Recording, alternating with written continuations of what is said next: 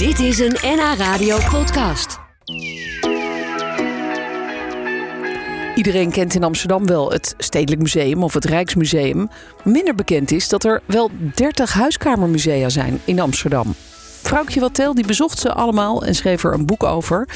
Maar waar komt haar fascinatie vandaan voor die huiskamermusea? Het is heel, het is heel behapbaar. Hè? Het is heel, het- meestal zijn het, zijn wel grote huizen, maar het is niet zo groot als het Rijksmuseum. Dus het is heel, heel leuk overzichtelijk. Het is ook heel menselijk, want er hebben natuurlijk mensen gewoond.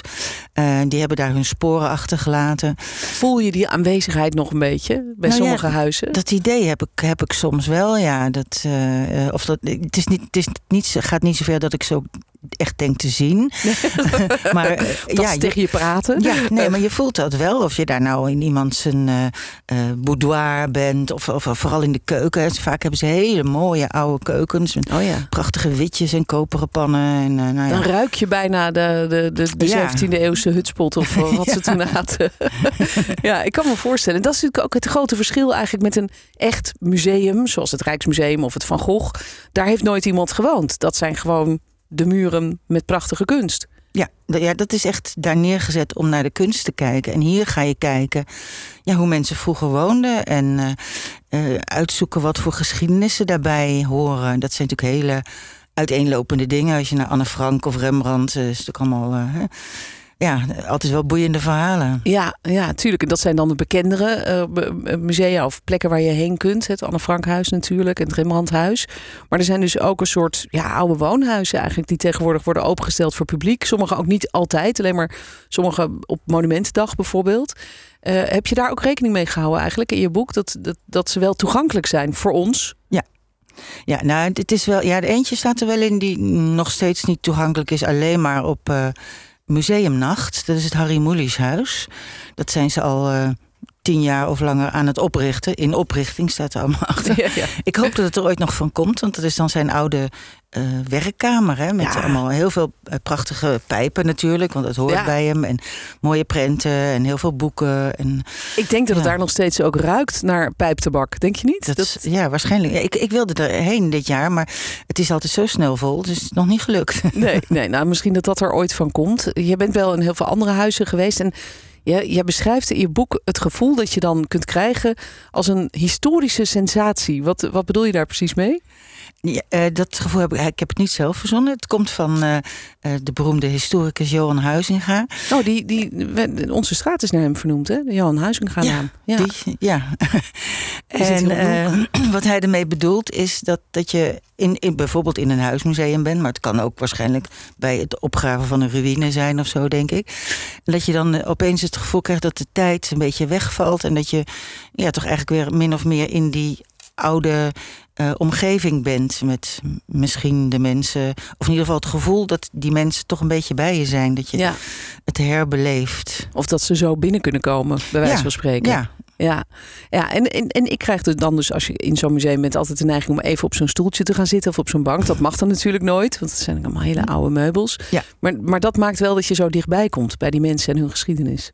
Ja, je ziet dan hun, hun meubels, speelgoed kan het soms zijn. Nou ja, wat ik al zei, keukens met eh, eh, van alles en nog wat. Serviesgoed, ehm, parfumflesjes. Oh ja. Allemaal, eh, ja, dat soort dingen. Ja, Dat maakt het leuk. Eh, kleding soms ook, hè. Van, eh, ja. Dat er nog ergens hangt, als er nog wat over is. Wat ik ook altijd leuk vind als je in een, eh, op een plek komt waar een schilder gewoond heeft. Dat je in een soort atelier komt of dat er allemaal, allemaal verf ligt en, en een palet. Alsof hij zo weer verder kan gaan met schilderen.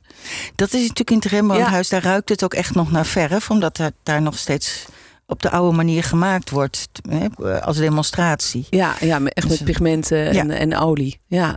Hoe, hoe heb je het eigenlijk aangepakt? Want jij bedacht dus op een gegeven moment van nou, er zijn zoveel van die leuke musea, laat ik er eens een boek over schrijven. Hoe, hoe ging dat eigenlijk? Waar, waarom wilde je dat doen? En hoe heb je dat aangepakt?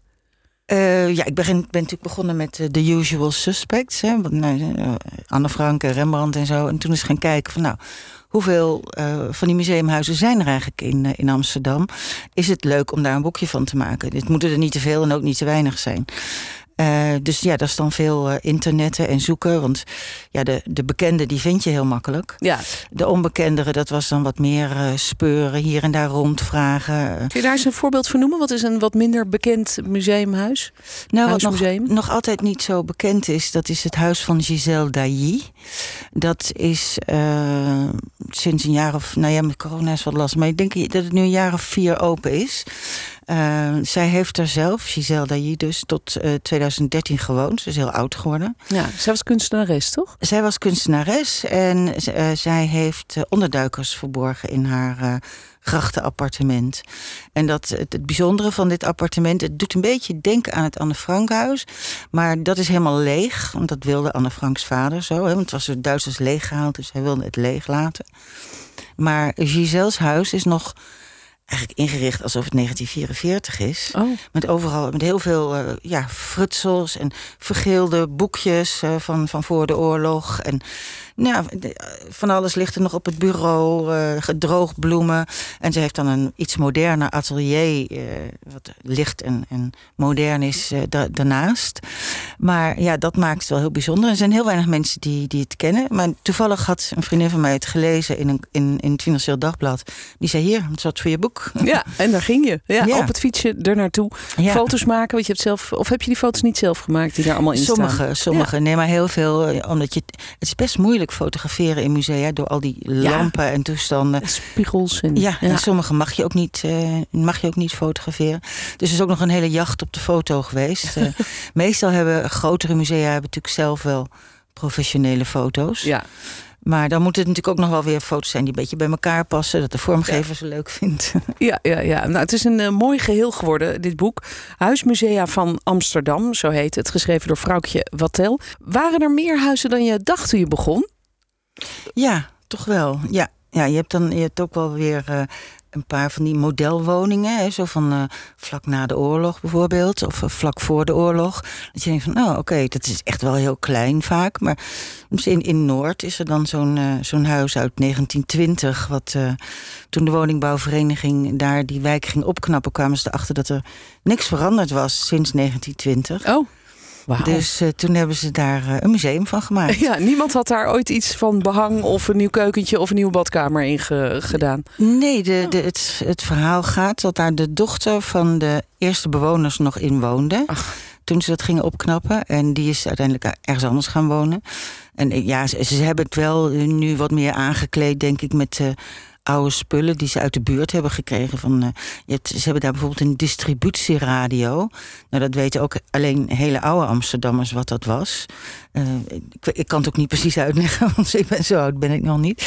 Uh, en ja, zo'n oude kolenkachel en een, een pijpenrek. Van, ja, ja. ja, dus je, je bent niet eigenlijk alleen in, in 17e eeuwse pracht- en praalpanden geweest... maar juist ook ook op dit soort plekken. Gewoon in, uh, in, in huizen, oude arbeiderswoningen en, ja. en dat soort dingen. Ja, ja. ja dus het is echt een mix. Ja, het zijn natuurlijk wel uh, de, de, de, luxe, meest luxe woningen natuurlijk die het best bewaard zijn. En heel veel uh, andere dingen zijn natuurlijk afgebroken. Uh, maar bij in Museum Het Schip hebben ze dan een pauperwoning nagebouwd. Oh ja. En dat is, ja, dat is echt heel klein. Dat is één kamer waar dan een gezin met uh, tien of twaalf kinderen woonde. Oh ja. En waar alles in één ruimte moest gebeuren. Oh, dat kun je bijna niet meer voorstellen nu, hè? Nee. Als je dat ziet. Nee. Maar ja, dat soort dingen in, in het echt zijn die natuurlijk afgebroken. Hè? Ja. De, de, die hebben allemaal plaats gemaakt voor... Uh, voor nieuwbouw. Ja, nou goed dat dat toch nog wel te, te zien is en te bezichtigen is. Um, een heel ander kaliber is natuurlijk de burgemeesterswoning, waar Femke Halsema woont. Maar is, is dat ook een, echt een huiskamermuseum eigenlijk? Is dat wel eens open voor publiek? Niet echt. Uh, je kan er bijvoorbeeld met de open tuinendag, uh, dan uh, kan je zo de benedenetage doorlopen. En dan mag je natuurlijk ook in de, in de tuin kijken. En verder wordt de woning. Ze wonen boven met het gezin. Uh, en er zijn een aantal officiële kamers die dan, uh, waar je ontvangen wordt als je een lintje krijgt of zo. Of, ja, precies. Ja. Andere bijzondere dingen, vergaderingen. Ik weet niet precies wat de burgemeester daar allemaal doet. Nee. Maar, dat is... maar officiële ontvangsten, laten we daarop ja, houden. Ik, daar ben ik nooit uitgenodigd, dus dat kan ik je niet nee. precies vertellen. Nou, ik ben er wel eens geweest, want ik heb een tijdje geleden ook nog wel als verslaggever ook volgde ik een beetje de politiek. Toen was zij nog geen burgemeester, dat was echt al lang geleden. En dan was er wel eens iets, een officieel momentje daar. Dan mocht de pers daar binnenkomen. Dat was altijd wel indrukwekkend. Want dat is echt een mooie soort pronkkamer, stijlkamer alsof je in een museum bent, inderdaad. Heel prachtig. Met veel spiegels en uh, mooi meubilair. Allemaal heel oud. Daar durf je eigenlijk ook niet echt op een stoel te gaan zitten. het is, maar goed, uh, het, is, het is leuk. In jouw boek staan, uh, staan dus heel veel verschillende eh, huismusea. Um, van hele simpele, dus van arbeiderswoningen, weeshuis, noem maar op. Maar ook die prachtige grachtenpanden waar je dan af en toe eens een kijkje mag nemen. Er staan mooie foto's in, maar ook leuke weetjes. Bijvoorbeeld over de zilveren soepterrine van de familie van Loon. Wat is daarmee? ja, die staat meestal uh, op, de, op, op de gedekte tafel in, uh, in Museum van Loon.